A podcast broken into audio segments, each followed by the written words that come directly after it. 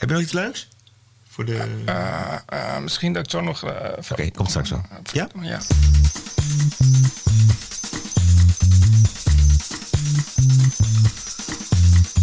This is the TPO podcast. Ranting and Reason. With Bert Brussen and Roderick Phalo.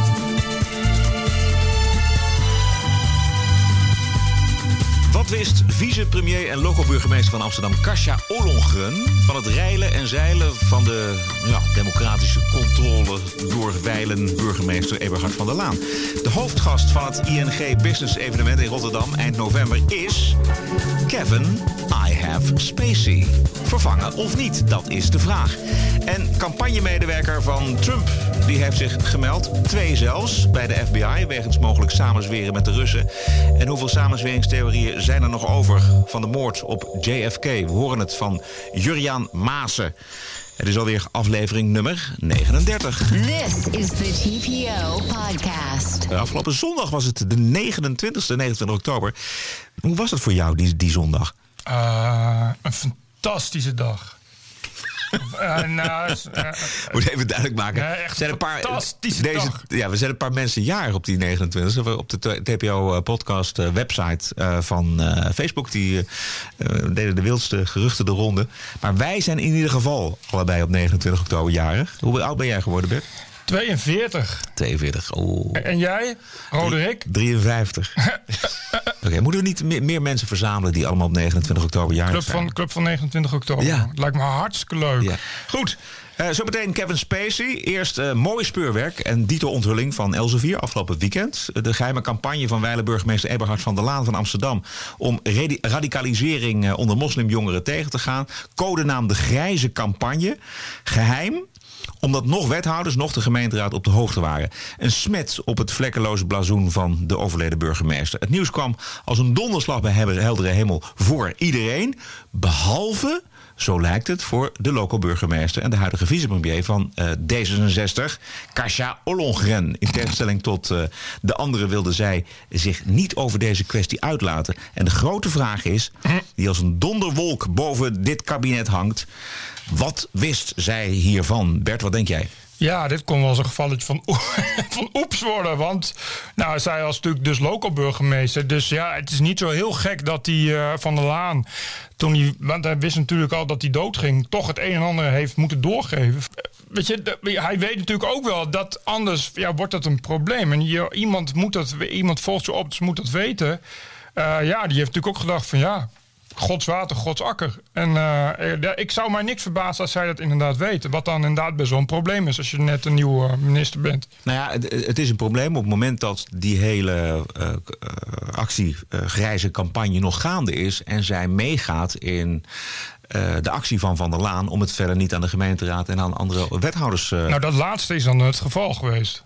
Ja, oké, okay, maar als, stel dat de actie al was afgeblazen, hè, want uiteindelijk is het, is het allemaal mislukt. Ja. En, en, hij zegt, ja. ja. maar dit heeft er gespeeld en zij heeft het geweten en zij heeft het toen niet verder gemeld en verder geen rugbaarheid aangegeven, omdat het eigenlijk die hele campagne al voorbij was. Ja, dan, dan is zij minder te verwijten. En dat, daar... denk ik, dat denk ik ook. Dan heeft ze ook dan nog wel een verhaal, want dan kan ze zeggen, ja, maar ja, weet je, uh, iemand die ligt dood te gaan en, uh, ja, en bovendien, ja, het is pas passé, dus waarom, moet je, waarom zou ik dat opraken? Maar aan de andere kant kun je zeggen van ja, maar luister eens, jij hebt daarvan geweten. Dus waarom heb je niet...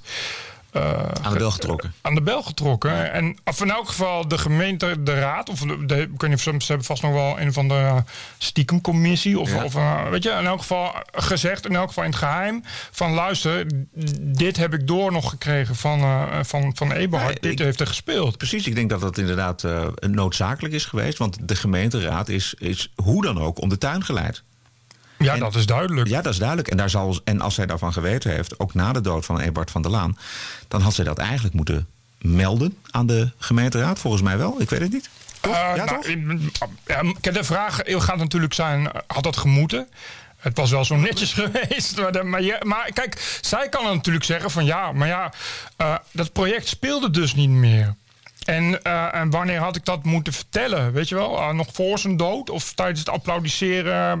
weet je, ik bedoel... Nee, maar de, luister, Het is gewoon, ja, volgens mij, Bert, is het zo dat als, als je erachter komt dat er een misdaad is gepleegd, om het eventjes heel zwaar aan te zetten, maar het, Van der Laan heeft natuurlijk niet goed gehandeld door de democ- democratische controle eh, te omzeilen en de gemeenteraad niet in te lichten. Als je daarvan op een gegeven moment vroeg of laat op de hoogte van bent, dan, dan moet je dat volgens mij melden. Ja, dat denk ik dus ook. Maar dat Ik- heeft ze dus niet gedaan. Nee, maar ik, ik vind wel dat eh, dit de vraag gaat worden van ja, hoe. hoe eh, hoeveel, eh, weet je, hoeveel ruimte kun je iemand geven dat dat niet is gebeurd? Ik vind het wel echt al een veegteken dat ze niet wil zeggen. Al, then again, het is net bezig met minister worden, dus dat snap ik dan ook wel. Ik denk dat eh, als het Maar nee, nee, wordt- luister. Kijk, eh, kijk, zij is dus local burgemeester geweest. En het probleem is dat, je, dat zij zich natuurlijk nu niet in de media er- erin wil mengen. Omdat wat je ook zegt, eh, nu als minister. Het het nu de meest gevoelige plek die er is. Is, is, hè, is dat zij nog eigen minister is, maar nog geen acting minister. Of hoe moet ik zeggen? Of net één dag of net één week. Ja, en ik zag gisteren ook al heel veel mensen zeiden ja. Ik, ik, we moeten wel, want het staat in Elsevier, maar eh, op basis van anonieme bronnen, logisch, want je wil die niet prijsgeven. En ik, ik wantrouw Elsevier ook niet. Daar zag ik ook mensen zeiden, ja, als je dat niet zegt, dan weet je niet waar. Ik denk wel dat het waar is. Dat is het probleem. Die, die documenten bestaan gewoon echt. Maar ja, ik kan me voorstellen dat, dat ook die Ollegren zegt van ja, ha, ik heb me ook aan, aan mijn ministerie te verantwoorden. Dus die willen ook dat ik eerst afwacht. Dat ik eerst word geïnformeerd wat er daar precies in staat. Wat er precies is gebeurd. Wat we precies weten. Voordat ik daar iets over ga zeggen. Maar ik acht de kans wel heel erg aanwezig inderdaad. Dat zij het wel heeft geweten. Omdat het... ehm, want ik moet ook zeggen dat ik dat niet helemaal begrijp. Hè, waarom die eh, Van der Laan... ja, kennelijk heel toegewijd in die deradicalisering. Want ik, ik voor zover ik het begrijp, was het ook een beetje een suffe, suf, ja, YouTube-filmpjes die dan, die dan eh, Marokkaanse jongeren moeten aanspreken. Dat je niet moet gaan radicaliseren. Echt een, een persoonlijk van de laan ding geworden. Ja. Die hele rare uh, radicalisering-expert die hij heeft ingehuurd. Dat was Ja. toch een beetje een persoonlijke Die ding. De- ja, de, maar dat, wat een soort, volgens mij, soort semi-holistische. eh, Nou goed, weet je, aan alle kanten klinkt dat als, eh, als kwakzalver van oplichten. Maar daar, Van der Laan heeft daar kennelijk heel veel waarde aan gehecht en in geloofd. Eh, het, ik doe me ineens een beetje denken aan Greet Hofmans affaire. Ja, weet je, ja. echt op zo'n inderdaad op, op koninklijke huizen toch ergens. Kennelijk is daar dan toch behoefte aan. En dat, in elk geval dat deradicaliseren ging hem aan het hart. En ik, ik proef hier heel erg uit eh, dat wat hij wilde, dat hij, dat hij daar gewoon echt in geloofde. Dat was echt in een geloof. Wat ik zeg, het is natuurlijk nou, alsof die, die filmpjes dan viraal gaan. Weet je, Ja. weet je het is natuurlijk allemaal Ja. totaal gelul. Nou, het is echt, echt, echt iets waar hij waar die gewoon zijn hart en ziel in heeft gelegd. En daar toch nog, want ja, behalve eh, het, het radicaliseringstraject wat ze al hadden. Ja, daar was hij dan niet al te, tevreden over. Dat is ook overigens duidelijk eh, eh, geweest. Ja, eh, eh, van der Laan zelf zal met rust gelaten worden, want eh, God hebben zijn ziel. Maar waar het vooral om gaat is inderdaad, wat wist Kasia Ollongren, de vicepremier van dit kabinet, ervan? En nog steeds lokale burgemeester van Amsterdam, volgens mij. Het wordt spannend. Donderdag aanstaande vindt er in de gemeenteraad een uitgebreid debat hierover plaats. Ik neem aan dat Ollongren daar als lokale burgemeester aanwezig is. En dat haar toch Ja, een goede ander- vraag. Het een en ander zal worden Maar gevraagd. wat ik, is dat, wat ik me ook nog afvraag, moet je daar, ben je daar dan als je, je, je is dat overdraagbaar? Weet je, ben je als minister, mo- Ja, mo- moet dat, moet dat op, eh, eh, overslaan naar je ministerschap dan? Wil je kan toch zeggen van ja, je kan volgens mij kan ze uiteindelijk gewoon zeggen van ja, eh, niet, als het al heeft geweten, hè, dat ze zegt van ja, ik wist het, maar ik heb het niet verteld, het is inderdaad niet best, maar de situatie toen en toen in de context dus en zo en Amsterdam, dan je kan en dan net als net als die die grappenhout, zegt van ja. Maar laten we voortaan mijzelf eh, eh, beoordelen op, op mijn ministerschap. En niet, Ja. niet, niet wat ik in het verleden heb gedaan. Nou ja, niet in wat hij geschreven heeft in, in als, als columnist voor het Financieel Dagblad. Nee, ja, oké, maar goed. Volgens mij is het, is, het, is het als je als politicus de democratische controle omzeilt, dat is een, dat is een doodzonde. En dan ben je eh, als lokale burgemeester of als vicepremier ben je gewoon klaar. TPO Podcast.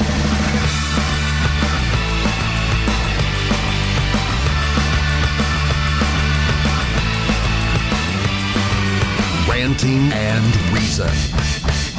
acteur Kevin Spacey is homo. Daar is natuurlijk helemaal niks mis mee. Eh, het was wel eh, nieuws omdat hij vandaag uit de kast kwam. Maar de aanleiding was groter nieuws, namelijk acteur Anthony Rapp. Die, wie kent hem niet van eh, de serie Star Trek? Die riep: Me Too. 30 jaar geleden heeft Kevin Spacey, 26 jaar toen, seksuele avances gemaakt tegenover de toen 14-jarige Anthony Rapp.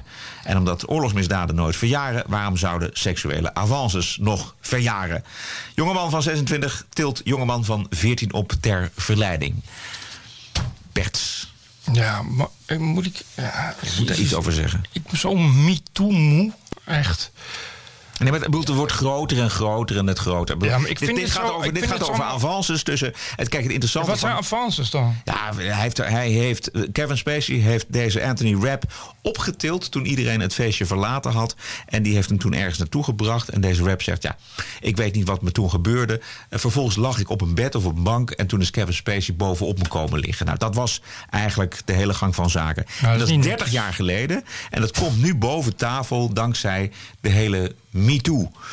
eh, Ja, dat, snap- dat snap ik wel. Maar ik, ik, ja, je, het, ja, ik vind, kijk, eh, eh, kijk, bij Weinstein was het een, een duidelijke zaak. Dan weet je, kijk, dat is iemand waarvan, waarvan duidelijk werd dat het iemand is die op, op, op, op brisante wijze zijn macht heeft misbruikt. Weet je, er zijn ook, het is niet Ja. het is duidelijk, weet je, het is niet dat iemand zegt van ja, hij kleedde met de ogen uit of zo, maar het is duidelijk echt serieus, serieus misbruik. Oké, maar een man van 26 die een jongen van 14, dat is, in, dat is in de Verenigde Staten en ook in Nederland is dat minderjarig. Ja, maar 30 jaar later. Ja, 30 jaar later, ja. En dat- ik- ik kijk, vind het, zo- nee, het, het speelt nu, het speelt omdat het ook een Nederlands tintje heeft. Want ING die heeft een heel groot eh, ondernemersevenement in Ahoy eind november. En die had Kevin Spacey als absolute topact van dat evenement. En die vraagt zich nu af, dat is een mooi verhaal van RTL Z vandaag op de website. eh, gaan we eh, Kevin Spacey nog uitnodigen als topact? De ja, dan de nee. En zo nee, wie gaan we hem dan laten vervangen? Nou, dat is, oh ja, ik, ik, ik vrees dat ze dan, dan moeten gaan laten vallen. Want dat is, eh, en, maar Waarom? dat, Waarom? Ja, precies. Maar Maar zegt net, het is 30 jaar geleden. ja, nee, maar ik, nee, ja, ik, maar ik eh, eh, ING kennende of, of noem maar op welke multinational kennende, als ze ergens niets mee te maken hebben, is het dit. Want dit is eh, voor je merk zo gevoelig, want alle kranten schrijven erover en een, een krant als Volkskrant doet ook niks anders dan het ophitsen. De media hebben het over niks anders. Dus ah, je, je wordt als merk word je dan ook gedwongen om daar. ja, dan moet je dus inderdaad zeggen van.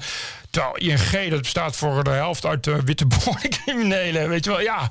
Nee, ja, eh, eh, ik bedoel, er gaat zoveel mis. En, en, alsof daar bij ING op zo'n evenement ook maar iemand rondloopt die in zijn verleden iets niet gedaan heeft. Maar op het moment dat je een zo'n topster, juist omdat het zo'n topster is, kun je niet nog zeggen: ik ga dat doen. Want dat is het, ja, het is gewoon. Ik, ik vind het hele MeToo ook heel erg. Ja, ik vind het te heksieachtig. Maar wa- wa- wat- en ik vind het de heel erg denken aan, aan, aan de, de, de, de social justice warrior strijd tegen racisme. Je hoeft alleen maar een hashtag te plaatsen en dat in iemands richting te slingeren en bam, klaar. En al die merken zijn bang en die zeggen allemaal ja, nee. Wat zou de schade kunnen zijn als ING zegt... nou, eh, Kevin Spacey, eh, voor ons is het 30 jaar geleden, te lang geleden, er is niks gebeurd. Eh, kom maar en we gaan er een mooie... Nou, dat zou ik je vertellen. Dan gaan dus inderdaad heel veel mensen dagenlang ING bestoken. Onder andere op Twitter met de hashtag ING, ING. Eh, en, en weet ik van, gaan, eh, ja, gaat de Volkskrant gaat, eh, alle oud-medewerkers van de ING interviewen. Eh, en die klootzak in dat leeuwpak. En Jan Mulder moet zich dan verantwoorden. En dan krijg ja, dat weet je, het, het klinkt allemaal heel, heel, heel lachwekkend. Maar dat is hoe het tegenwoordig gaat. En dat is de grote schade waar ze bang voor zijn. Kijk, er zijn natuurlijk heel in die hele MeToo-toestand zijn, er, zijn er ernstige gevallen. Laten we dat vooropstellen. Hè? Eh, dat lijkt me duidelijk. Maar het- dit voorval, voor zover nu bekend, 30 jaar geleden, ik kan me niet voorstellen dat dit zulke grote gevolgen eh, zal hebben. Nee, maar dat zou ik, je zou wensen dat het geen grote gevolgen heeft. En, maar dat vind ik dus het hele probleem tot nu toe. Het gaat de hele tijd over, over mensen die, eh, die niet worden. eh, weet je, is geen wederhoor, er is geen veroordeling, er is geen bewijs. Nee. Nou ja, en al die mensen die zijn, eh, die zijn al wel al kapot. Je hoeft alleen maar te zeggen. Eh, en omdat we, om, en zeker, eh, het punt is natuurlijk ook dat die mensen die genoemd worden, zeker uit, uit de kunst- en cultuurwereld, uit de mediawereld, zijn natuurlijk heel lang ook ontastbaar geweest. En iedereen is natuurlijk gretig bij om die mensen eindelijk eens aan te pakken. Weet je, ja, en. en en, en, en dan is het, en dat is wat mij er tot nu toe aan stoort. Dat ook dat, dat al die keurige, correcte media, die hebben normaal altijd zo'n mond vol over moraal. En dat is altijd, hè, als, je, als je al eh Volkert van de Graaf eh, eh, schrijft in plaats van Volkert van de G, dan zeggen ze al hoei hoei, want we mogen niet zomaar, hij is veroordeeld, maar wel gestraft. Weet je, allemaal, allemaal ethisch gelul. Maar nu is het MeToo, dan mag je gewoon in de, in de Volkskrant een column schrijven waarin je zegt, ja, ik noem geen namen, maar het waren een clown en een acrobaat. En het was een bekend du- maar we noemen geen namen. En dan schrijft geen stel de volgende dag zouden het Bassie en Adriaan zijn. En dan zeggen ze, nou ja, schuld van geen stel dat jullie die naam hebben. Denk ja, flikker toch op. Wat een hypocrisie. Ja, maar, de, en, maar de, me- al, al die media doen er gretig aan mee. Omdat het nou eenmaal zo is. eh, eh, dat we weten dat het speelt. Ik las vandaag ook weer dat, dat ze dan nu ineens heel eh, ophef doen over... oh, het speelt ook in de modellenwereld. Nou, het is niet waar. en je zult toch zien dat straks ook in de, in de bordelenwereld ook misbruik spe- spreekt. Dat ga je morgen ook nog zien, weet je. Ik van, ja, wa- wa- wat is het nou voor, voor, voor een hypocriet? Tuurlijk is dat. Wat is het voor een huigelachtig gedoe? En dat vind ik ook bij, bij vooral dus, weet je, eh, eh, die MeToo-slachtoffers... die jarenlang, weet je, dat zeggen ze nu ook al over de Nederlandse film... over, over, eh, over de bekende castingdirecteur, ben zijn naam niet gaan noemen... want je weet maar nooit of die gaat zoeken, waarvan iedereen weet wie dat is. Dan kom je dan nu mee en dan ga je, is het oh jammer, jammer, jammer... want het is allemaal zo erg en zo gemeen. Maar je hebt al die tijd je bek gehouden omdat je bang was om je baantje te verliezen. Dus Ja. wat zijn je principes waard? Weet je, wat zijn je principes waard? Je hebt al die tijd heb je niks gezegd. En de enige reden dat je al die tijd niks hebt gezegd... Was omdat je je baantje niet kwijt wilde. En dan, wat je dan nu krijgt, is dan ineens deskundigen zeggen... ja, ja, maar eh, als vrouw eh, sta je de hele tijd toch altijd onder druk... en het is toch altijd een machtsverhouding. En ik denk, ja, flikker toch op, man. Als je als vrouw niet nee kan zeggen, dan heb je inderdaad een probleem. Maar dan moet je niet gaan klagen dat mensen je nee niet horen. Want dat is wat heel veel gebeurt. Is dat ze zeggen, ja, ik ben gemetoed. En wat gebeurde dan? Ja, nou, eh, ja, hij eh, zat dus aan en ik ging met hem mee. Ja, wat had je dan gedacht? Ja, maar ik kon geen nee zeggen. Ja, wie's fout is dat dan? Weet je wel, ik kan geen groen zien en ik kan geen rood van, groen van rood onderscheiden. Ben ik dan onschuldig als ik door een eh, oranje stofligger rijd? Weet je, ik, ik, ik vind het zo... Het is allemaal zo, zo... Ik wil graag slachtoffer zijn. Oh, nu zijn we het allemaal met jullie eens. Anyway, het gaat over, nu over Kevin Spacey. Het punt is natuurlijk, dat er, ja, je weet dat niet. Je gaat het ook nooit te weten komen, want dus 30 jaar geleden... een, een, een jonge acteur van 26, die natuurlijk, eh, natuurlijk eh, god weet wat niet deed... eh, elke avond met de nodige kook en drank op. Wat iedereen ook weet, want het is natuurlijk de Hollywoodse matras... is net zo groot als de Gooise matras. Ja, dat soort dingen gebeurden inderdaad in die tijd. Maar je gaat nu niet meer achterhalen wat er precies is gebeurd. Weet je? En, en hij, hij gaat vast zeggen, ja... Ik kan me niet zo herinneren, maar ik, kan, ik was nou eenmaal iemand die graag op jongetjes lief sliep, maar ik deed er niks verkeerd. Weet je wel, ja, je, je komt daar nooit meer achter. Ja. Maar hij is wel, wel de lul. Heb jij geen MeToo-verhaal? Je hebt toch, want... Ik, hoor. Ik, die- die- als, als, als, eh, Slachtoffer, Als want- slachtoffer, als, als, als dader. Nou, als dader zou ik graag ook even horen dan. Als je Nee, toch. dader. nee, maar die Jelle Brand Kostjes, dat was eh, een bekende uitvoerend producent van Barend van Dorp. Mhm. Wiens naam ook bekend is omdat hij inderdaad bij heel veel mensen. heel veel mensen zeiden van. Nou, die moet je wel. Als je s'avonds alleen zou ik niet. eh, dus, maar ja, ik dacht misschien zat je toen ook al. Nee, nee, nee, nee. nee. nee ik, heb, ik, heb, nou, dat, maar ik, ik heb me wel eh, proberen voor te stellen, maar dat lijkt me toch, is toch heel moeilijk gewoon als 20-jarige. Dat je dan in zo'n situatie terechtkomt. Dat je dan op een gegeven moment niet, niet denkt van nou, zou met groep zeg. Wegwezen. Nou, ik begrijp van die Jelle dat hij was gedrogeerd. Dus dat, Oh, dan- dat is, die, die was gedrogeerd en dan ja, hij werd gedwongen tot orale seks. En, en die, ah, die man wilde hem ook verkrachten aan en toen kon hij vluchten. Dus als je gedrogeerd bent, houdt het een beetje op. Eh, maar ja, de- verder, maar ik vind, oh ja, verder wat je zegt. eh, ik vond het ook, moet ik eerlijk zeggen, eh, bij die verhalen van die toneelschooldocenten. Ik vind wel dat als je docent bent, moet je dat niet doen. Je, je kan er niks aan doen. Je verliefd wordt op iemand, maar dan moet je een ander baantje gaan zoeken. Het is wel een beetje allemaal eh, lekker maximaal, lekker maximaal gebruik maken van je, van je juist toneelschool. Hè, wat toch met veel emotionaliteit gepaard gaat en dat soort gelul. Daar kom je toch dichtbij. Maar ja, ik denk ook van ja, ja ja, het is een beetje ook toneelschool en, en, eh, en een kunstacademie. Iets, Ja, volgens Nee, mij, dat- dat weet je als- als iedereen leerling. weet dat. En, Nee, eh, ja. maar als leerling ga je daarheen en dan ben je natuurlijk zo bleu als wat. En dan, ga je, dan, kan je dat, dan word je echt overvallen. Bovendien hebben die Tuurlijk. leraren daar hun tactieken voor. Eh, en, en er zijn natuurlijk verhalen bekend van, van leraren op, op, op academies... die gewoon eh, er een harem op nahielden. Gewoon van, van studenten. Ja, maar nee, dat is ook, dat is ook allemaal heel, heel treurig. Het is vooral heel treurig. Ja. Weet je wel, maar ik, ik, ik, ik, ik, ik, durf, ik durf dat openlijk te betwijfelen dat al die vrouwen die daar nu eh, eh, over zeuren. ik- daar ook zo, echt zoveel schade bij hebben. Nou ja, of dat dan nu mee naar buiten komen. De een komt er iets meer mee naar buiten dan de ander, laat ik het zo zeggen. En ik heb wel eens het idee dat, het, dat er... eh, ja, het is ook wel een heel makkelijk middel om, om daar, daarmee jezelf naar voren te schuiven. En, en dat gebeurt dus de hele tijd in die hele hashtag acties zien. Het je, hoeft is- niet zo, je hoeft dus niet per se zo'n heel groot slachtoffer te Ja, zijn. maar daar, daar komen we nooit achter, want er zijn natuurlijk heel veel van dat soort zaken die niet Nee, eh, precies. eh, tot in detail naar buiten komen. Dat hoeven we ook niet te weten, maar we weten ook niet of de ene nou wel serieus was en de ander eh, minder. De ene bedreigend of de ander niet. Nee, maar moet je dan allemaal serieus behandelen? en maar moet, dat- en moet je dan die zogenaamde... En dat is, en dat is, de, dat is de vrijhaven die een hoop mensen natuurlijk nu ook hebben. Van eh, ja, er is iets aan de gang. Eh, en dus kan ik ook mijn verhaal kwijt en kan ik om aandacht vragen. En dat, Ja. ik denk dat, ik weet niet, ik bedoel, geen idee, maar ik, er moet een percentage bij zitten wat, wat gewoon vervuilt. Natuurlijk, maar, maar, maar vind je niet ook... Wat vind jij van de rol van de Volkskrant daarin? Die ook echt expliciet oproepen van... nou, heb je ook een uh, MeToo-verhaal, mail het ons. Ja. Dat is toch een beetje... Kijk, ja. de, de Volkskrant heeft, bedoel, ik, vind een- ik vind een fijne krant, ik heb nog steeds abonnement, maar eh, ze zoeken natuurlijk wel de slachtoffers. En dit is, dit Ja. is geen lekkerder slachtoffer dan een MeToo-slachtoffer. Nee, maar nou, Eh, moet je daar als krant borduur je niet- dan eventjes op voort. Dat is vreselijk. En moet je, ja, precies. Maar moet je daar als krant niet dan ook iets mee oppassen? Want in, in, het, geval- in dit geval van die column van Sarah Sluimer... ja, daar kun je toch volgens mij vragen van... ja, Ja. moet je dan niet... Moet je dan, bedoel, daar stond dus inderdaad vrijwel met naam en toenaam wie het was. Dan kun je daar wel heel leuk omheen schrijven... maar dan houdt het natuurlijk al heel snel op dan. Ja. Dan moet je toch ook als krant zeggen van ja. Nee, maar omdat bijvoorbeeld in Trouw, want die Jellebrand Kostjes, die had dat. Want Trouw, die, die, die had dan gevraagd van. Weet je, iedereen die, kan dan. Dus die, die Jelle heeft zo'n stukje geschreven. En eh, nou, en Trouw had hem dan teruggebeld van ja, leuk stukje, maar we kunnen niet. j- jij wilt opschrijven die naam, maar als we dat gaan doen, ja, dan. Want we hebben hem gevraagd en hij heeft meteen een advocaat op ons afgestuurd. Dus ik vond dat Trouw daar veel voorzichtiger mee was. En Ja. terecht. En, ik, en om- omdat je ook.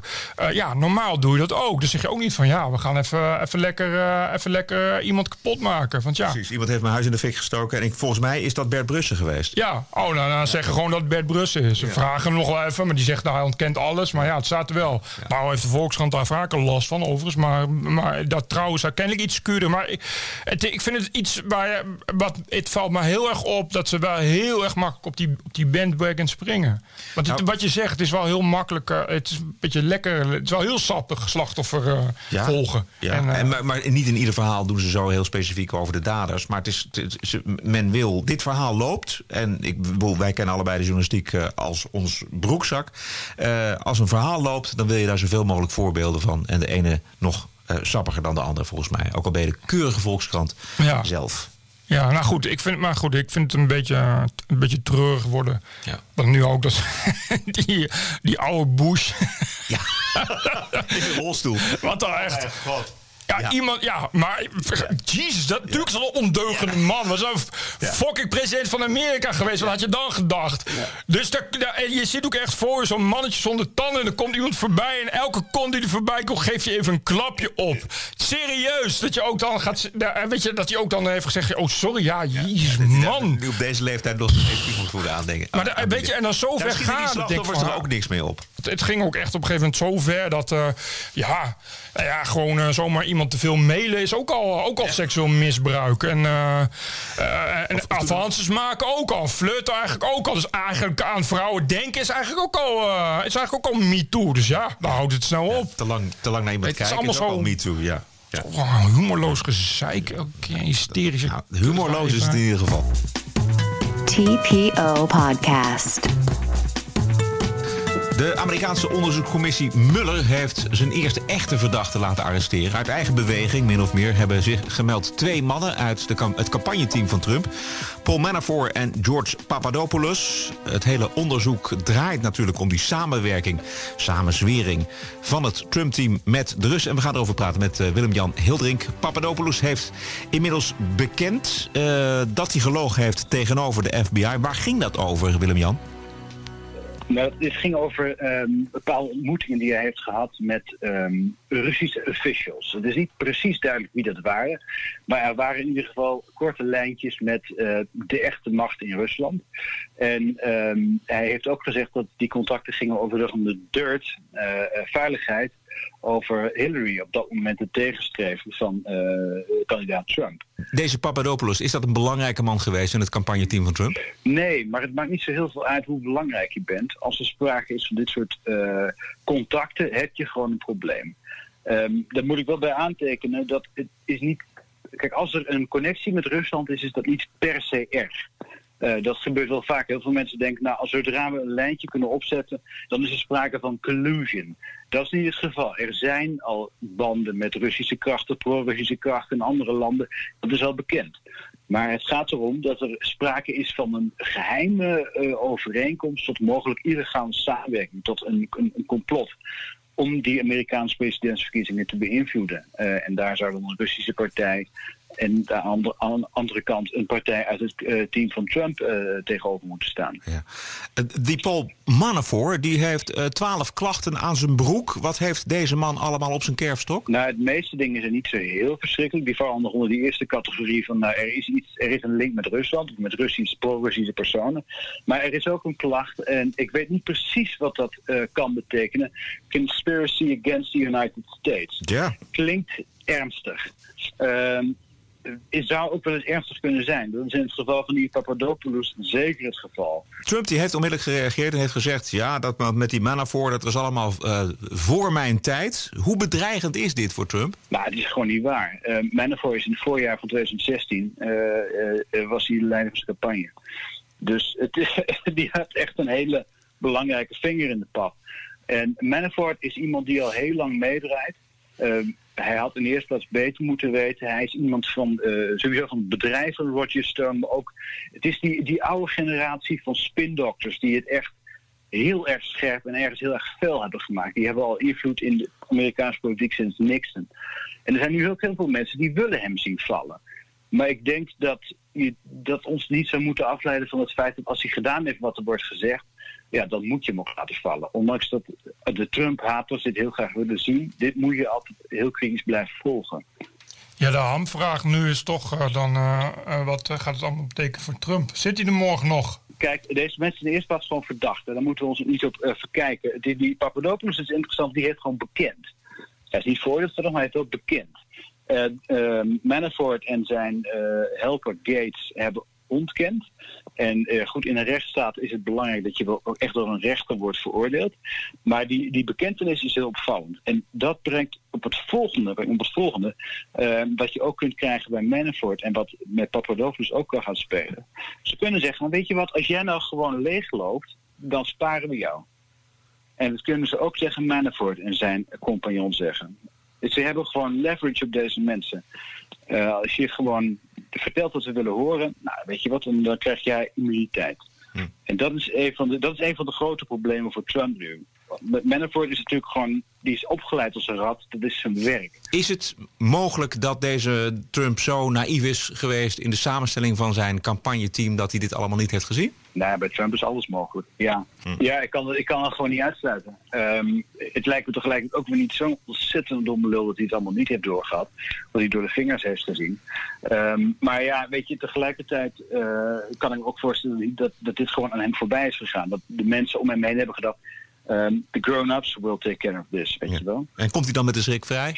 Um, nou, dat ligt er maar aan. Het is, het is heel moeilijk te zeggen wie is verantwoordelijk uiteindelijk in zo'n team. Ja. Is dat ook de, de man die ze heeft ingehuurd? Is hij op een gegeven moment ook echt uh, te beschadigen? Ja. Maar je hebt sowieso te maken met het probleem. Is er dus sprake geweest van Russische inmenging? Wat zegt het over de uitslag van de verkiezingen? Dit is echt allemaal heel bijzonder en nieuw. Dat hebben we volgens mij niet eerder gezien. Spannend, hè? Ja, het is heel spannend. Het is te gek. Amerikaanse politiek volgen nu is echt een stuk beter dan goede tijden, slechte tijden. Ik ga alleen maar CNN en eh, CNBC kijken. Voor, eh, voor, Ja, het, voor het complete beeld. Heel leuk, Bert. Willem-Jan, eh, heel dringend hartelijk dank voor jouw eh, eh, duiding bij deze eerste, eh, toch wel eh, mega catch van eh, de commissie Muller, toch? Ja, Meteen door naar de andere samenzwering, de moord op JF Kennedy. Alle files komen nu vrij, of toch niet alle. Juria Maas is expert op het gebied van JFK en samenzweringstheorieën. Zijn er eh, ideeën achter de moord van Kennedy waarvan we door de verslagen die nu naar buiten zijn gekomen eh, weten dat die in ieder geval niet waar zijn? Eh, ja, er zijn, er zijn een aantal eh, theorieën, waardoor, waaronder één dat, dat Lee Harvey Oswald in, een paar maanden voor de, de aanslag niet in Mexico zou zijn geweest om daar met, met de Russische ambassade in contact te komen. Dat is wel gebeurd, blijkt uit de documenten. Dat is één. Ehm, voor de rest ja, is het vooral heel veel informatie over de CIA, de praktijken daarvan, ook van de FBI. eh, die toch wel een aardig inkijkje eh, bieden in, eh, in de shenanigans, zeg maar, die toen de tijd gaande waren. Maar echt over de Kennedy-moord is er eigenlijk weinig nieuws naar boven gekomen tot dusver. Want er is veel om doorheen te spitten. Juist.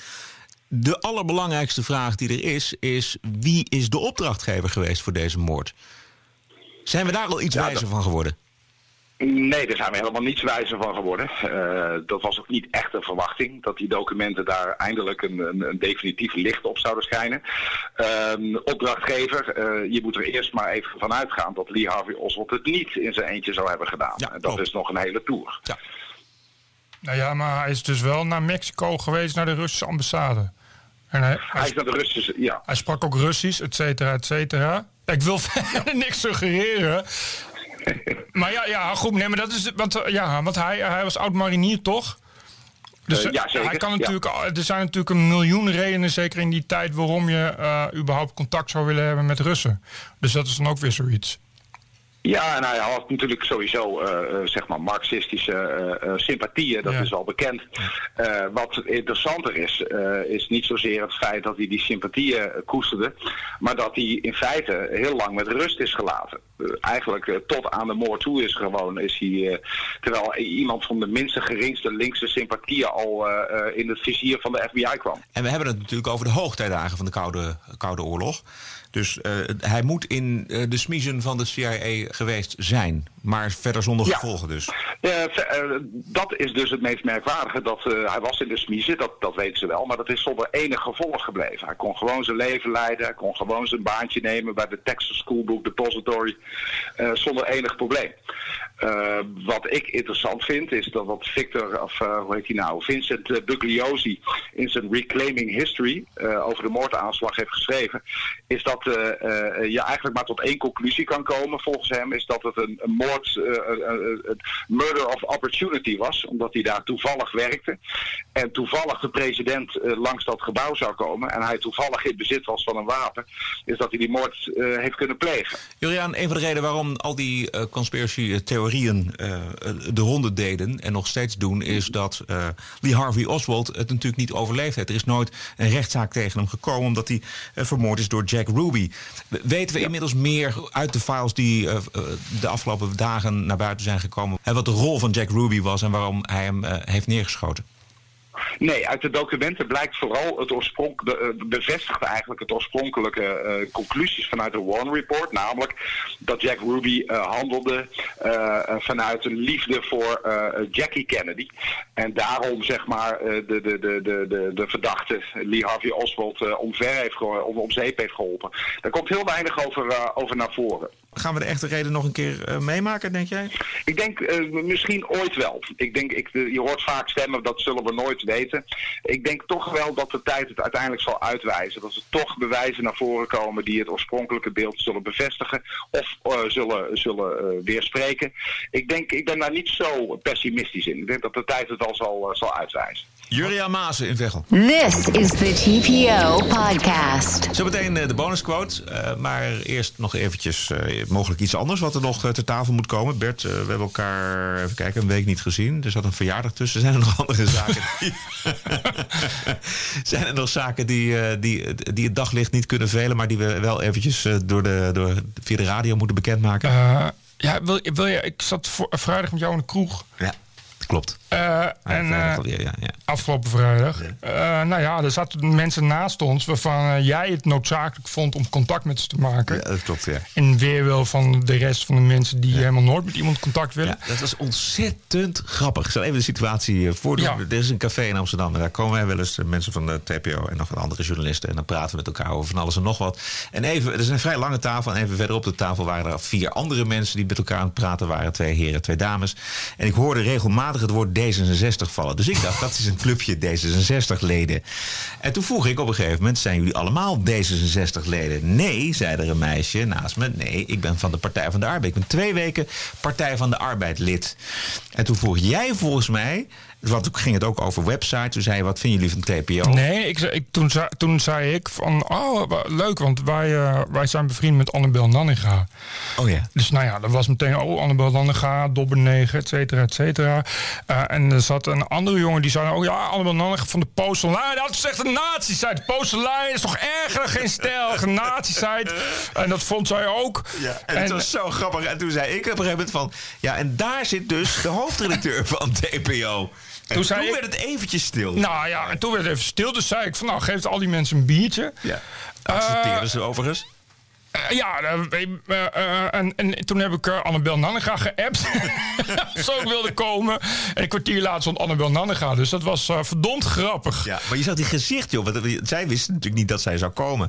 Nee. En opeens stond Annabel daar. Is natuurlijk een bekende persoonlijkheid inmiddels. zeker in Amsterdam. Ja. En wow, je zag die ogen echt helemaal omhoog, echt open gaan. Ja, je zag die mensen toch wel even denken van... Oh, Ja. oké. Ik vond het een beetje... ehm, nou, ik, ik, ik, ik sta er een beetje dubbel in. Weet je? Ik vond het, eh, het was ook een heel aardig meisje. En als je die mensen, ook als je er iets langer mee praat, dan. eh, ze, de, die mensen die. Ja, het, ze willen een ander wereldbeeld dan dat het is. Dat, dat, Het- het is- dat zeggen ze ook. van ja, ik vind Precies, gewoon maar niet... dezelfde, dezelfde denk ik als wij, als wij het... Eh, laten we het bij onszelf houden. Als wij praten over Peter van der Meers of over Ja. JP Gele... en we komen hen in de kroeg tegen en, het is, en we zijn goed ge- gehumeurd... dan hebben wij met die mensen kunnen wij vast ook een hele leuke eh, dag hebben. Nou ja, Of- precies. Of, Nee, of nee, eh, maar- Maarten van den Brink of zo, weet je wel. nou, dat... Je, goed. Knippen we eruit. Nee, maar eh, eh, wat ik zeggen, ja, nou precies, maar ik vond het punt dat je bij deze mensen ehm, wel echt de vijandigheid was wel toch wel, ik vond het toch best wel heftig. Weet je, het, het is wel, Omdat ze zo heftig op, op Annabel waren. Nou ja, ook op, op, op post online. En wat er dan gebeurt, is, is dat je dan zegt, dat je dan zegt, ik ben het. En dan zegt ze, oh ja, je ziet er eigenlijk heel normaal redelijk uit. En eh, oh, je zit daar al de hele avond naast jullie. En je merkt echt dat ze echt een beeld hebben. Hè, van, Ja. van, en, en dat is zo rigide. Terwijl wij zeggen dus al, van ja, maar ja, weet je, we, we vinden mensen wel kut en zo. Maar als we tegenkomen, dan drinken we wel een biertje. En je merkt dat dat er bij hun ja, liever niet in zit. Ja, het is dat dat toevallig... niet, ja, dat dus. Het is dat dat toevallig gebeurt. Dan zit je naast elkaar en dan, ja, je gaat ook niet zomaar weg. En je bent, ze zijn dan misschien ook wel nieuwsgierig. Ja. Dat meisje van de partij, die twee weken lid van de Partij van de Arbeid was, die heeft toen wel gesproken met Annabel. En die zei van, nou, ik vind het vervelend dat jij het woord dobberneger gebruikt. Ja. Toen zei Annabel van, nou, dan zal ik nog eens een keer de context uitleggen, et cetera, et cetera. Toen heb ik me ermee bemoeid op een gegeven moment, omdat ik vond dat al een, zeker een week lang eh, er over dobberneger van Annabel wordt gevallen, maar er nog geen woord is gerept over Frans Timmermans zijn eh, eh, dodelijke hypocrisie richting vluchtelingen die van Afrika naar Europa komen en verdrinken. Dus toen werd het toch nog eventjes eh, vervelend. Maar uiteindelijk eh, zei dat meisje van de Partij van de Arbeid... ja, Annabel, ik vind je toch eh, genuanceerder en leuker dan ik dacht. Ja, maar dat precies. Eh, eh, eh, eh, eh, want eh, nou, ze had het dan ook over TPO. En ze zei, ah, dit is allemaal eh, eenzijdig. En, ik, en, terwijl Joost, hè, iemand die er ook altijd zit... die zegt altijd van, ja, ik vind het altijd heel veelzijdig, de post online. En zei ze, oh ja, kun je het aantonen? Nou, ik had daar ook toevallig net eh, een, een, een artikel van eh, TBS-advocaat Job Knoester. Dat zeg maar niet, niet mijn, eh, ik deel niet bepaald zijn wereldbeeld over TBS-beleid en misdadigers. Dus dan leer ik dan zien, oh ja, ja. En hij gaf ze ook toe van ja, nou, eigenlijk lees ik het niet zo vaak, maar ja, alleen dan als, dan, als, als dan mensen op, eh, op eh, Facebook dat delen, ja, en dan, dan lees je ook alleen dat linkje. Hè? Want nou, ja, als je dan op TPO kijkt, dat, natuurlijk 80% is gewoon verder heel gemiddeld. Het is een soort uitgebreid nu.nl als je pech hebt op slechte dagen dan. Weet je, dus. dus het voordeel wat die mensen hadden, vond ik wel. Hè, het is heel rigide. Terwijl ik bedoel, ik, ik zit ook vol voordelen. Maar wij, laat ik zeggen, wij van rechts. wij van rechts. Ja, staan daar toch gemoedelijker in. Weet je, wij zijn dan toch van ja, weet je, ik, ik, eh, ik, ben, ik ben heel makkelijk ook in bij dat soort mensen dat ik dan zeg: ah, oké, ja, we hoeven het er niet over te hebben. Weet je, mij maakt niet uit. Ik kan ook gewoon de hele avond bier met je drinken zonder, zonder het daarover te hebben. Het, het- zijn de rigide mensen, zowel op links als op rechts. Eh, Zeker ook op rechts. Maar eh, dat er ter linkerzijde ook wel degelijk genuanceerde mensen zijn, bewees Eddie Tersal, die later ook de kroeg in Nou, dat is dan wel inderdaad. eh, Die een fantastische column had. Maar we hebben ook we- natuurlijk bij TPO hebben SP'er Ro- Ronald van Raak, waar echt een heel goed glas bier mee te drinken valt. Nou, dat is wel, maar dat is een voorbeeld. Als je ook ziet bijvoorbeeld hoe eh, Ronald Verraak en eh, Martin Bosma, dat zijn be- gewoon best wel, eh, nou ja, vrienden zal wel niet, maar gewoon dikke maatjes altijd en zo. Dat is ook, dat is ook best wel frappant eh, in- binnen de Tweede Kamer. Eh, die mensen gaan, ja, gaan gewoon heel intiem met elkaar om. En die kunnen wel, eh, en zo moet het natuurlijk ook, die kunnen wel gewoon met elkaar bier drinken. Terwijl je net daarvoor wel een heel stevig debat met elkaar hebt gehad. Eh, ja, toch hè, tegen echt echt lijnrecht tegenover elkaar staan. Ja. ik ben er ook niet per se altijd even goed in, maar ik merk wel, en dat heb ik al eerder eh, ook gehoord, dat mensen die kwamen dan op de TPO-borrel en die zeiden dan van, goh, ja, is toch wel, toch wel bijzonder dat. Ja, dat jullie het zo leuk hebben met elkaar. Want het was toen net, toen moesten we bezuinigen en zo. Dat, dat die mensen dan toch, ik denk, ja, het heeft ook wel te maken dat we toch op een bepaalde manier in het leven staan. En eh, uiteindelijk, ja, ik denk dat van ja, beetje uiteindelijk is het bier en zo zijn we allemaal hetzelfde. Ik ben misschien dan wel te veel geïnteresseerd in mensen. En Dat ik dan liever dan ook voor je bent bereid ben. Je bent heel gevoelig, Bert. Nou, dat dan je, je, niet. bent, je bent gewoon een pleaser eigenlijk. Je wil gewoon eh, aardig gevonden worden door iedereen. Nou, niet door iedereen. Ja, oké. We gaan naar de bonusquote. Eh, die is van de Israëlische historicus Yuval Harari. Hij zat eh, afgelopen zondag in het tv-programma Tegenlicht en voorspelde de kennis en macht van de firma Google over 20 jaar. question is how do you make decisions in your life so the individualistic liberal ideology tells you think for yourself. Follow your heart. Do what feels good to you. So if you think what should i study at university? Or where should i work? Or whom should i marry? The advice is listen to yourself, follow your heart. In 20 years, the advice will be ah, forget about your heart, what does it know? Ask Google.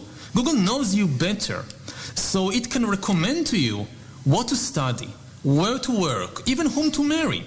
People make sometimes such terrible mistakes in the most important decisions of their lives because they don't really know themselves very well. But these algorithms, these systems will know us better. They won't be perfect. They don't have to be perfect. They just have to be better than the average person in order to gain control. De algoritmes kennen ons beter dan onszelf. Nou, dat kon hij wel eens gelijk in hebben. In elk geval Over over 20 20 jaar dan, hè? jaar. Ja. Want het schijnt heel hard te gaan. Ja. Ja. ik denk dat wat hij eh, hier zegt niet zo heel gek is. Dat je inderdaad over 20 jaar gaat zeggen van... nou, Google, vertel mij maar wat ik moet. Want, en dat Google dat dan ook verdomd goed weet. Omdat... eh, het is eigenlijk natuurlijk nooit anders geweest dat we eh, voor wijsheid uit, uit zoveel mogelijk bronnen putten. En uit hele oude bronnen. Nou, laat Google nou toevallig degene zijn die alle mogelijke bronnen tot zijn beschikking heeft. Ja, maar of dat nou leuke, mooie zinnen worden, of dat nou aardige artikelen zijn, of daar nou de creativiteit in zit die mensen kunnen geven aan artikelen, Nee, nul. Het is natuurlijk- tv-programma's. het is natuurlijk nogal leeg. Ja. Leeg en Ja, dodelijk. geen reet aan dus. Tot zover deze aflevering. We zijn eh, vanaf morgen bezig met eh, de voorbereiding van aflevering nummer 40. Bert, eh, u mag de waarde van deze podcast voor u eh, uitdrukken in een donatie. Die donatie is over te maken via de normale manieren zoals je geld overmaakt. En dat is eh, allemaal te vinden op onze website tpo.nl slash podcast. We zijn er weer dinsdag 7 november. Heb een fijne week en tot de volgende. TPO Podcast. Bert Bruson, Roderick Balo, ranting and reason.